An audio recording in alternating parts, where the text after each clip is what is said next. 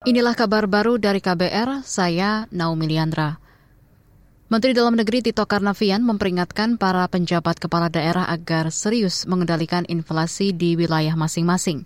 Tito menyatakan tidak akan ragu mencopot penjabat yang gagal mempertahankan inflasi tetap di bawah rata nasional dalam tiga bulan terakhir. Itu disampaikan Tito dalam rapat koordinasi pengendalian inflasi pagi ini.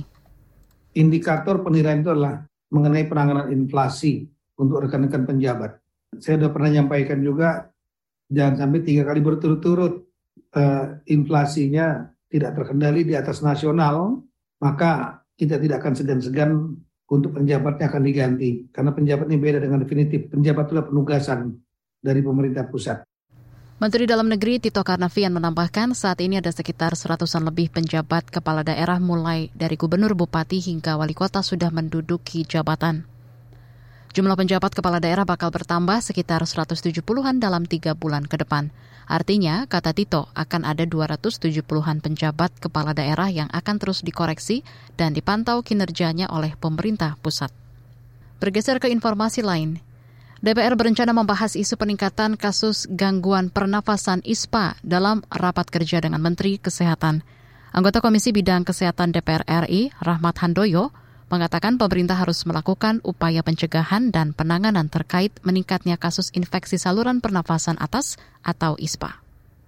Saya kira dalam waktu dekat ketika ada uh, rapat kerja menteri pertama dengan masa sidang ini pasti akan kita soal, kita bukan kita soal, tapi perlu kita uh, pertanyakan bagaimana strateginya mendesain untuk kuratifnya dan bagaimana mengantisipasi agar terhindar dari ISPA ini.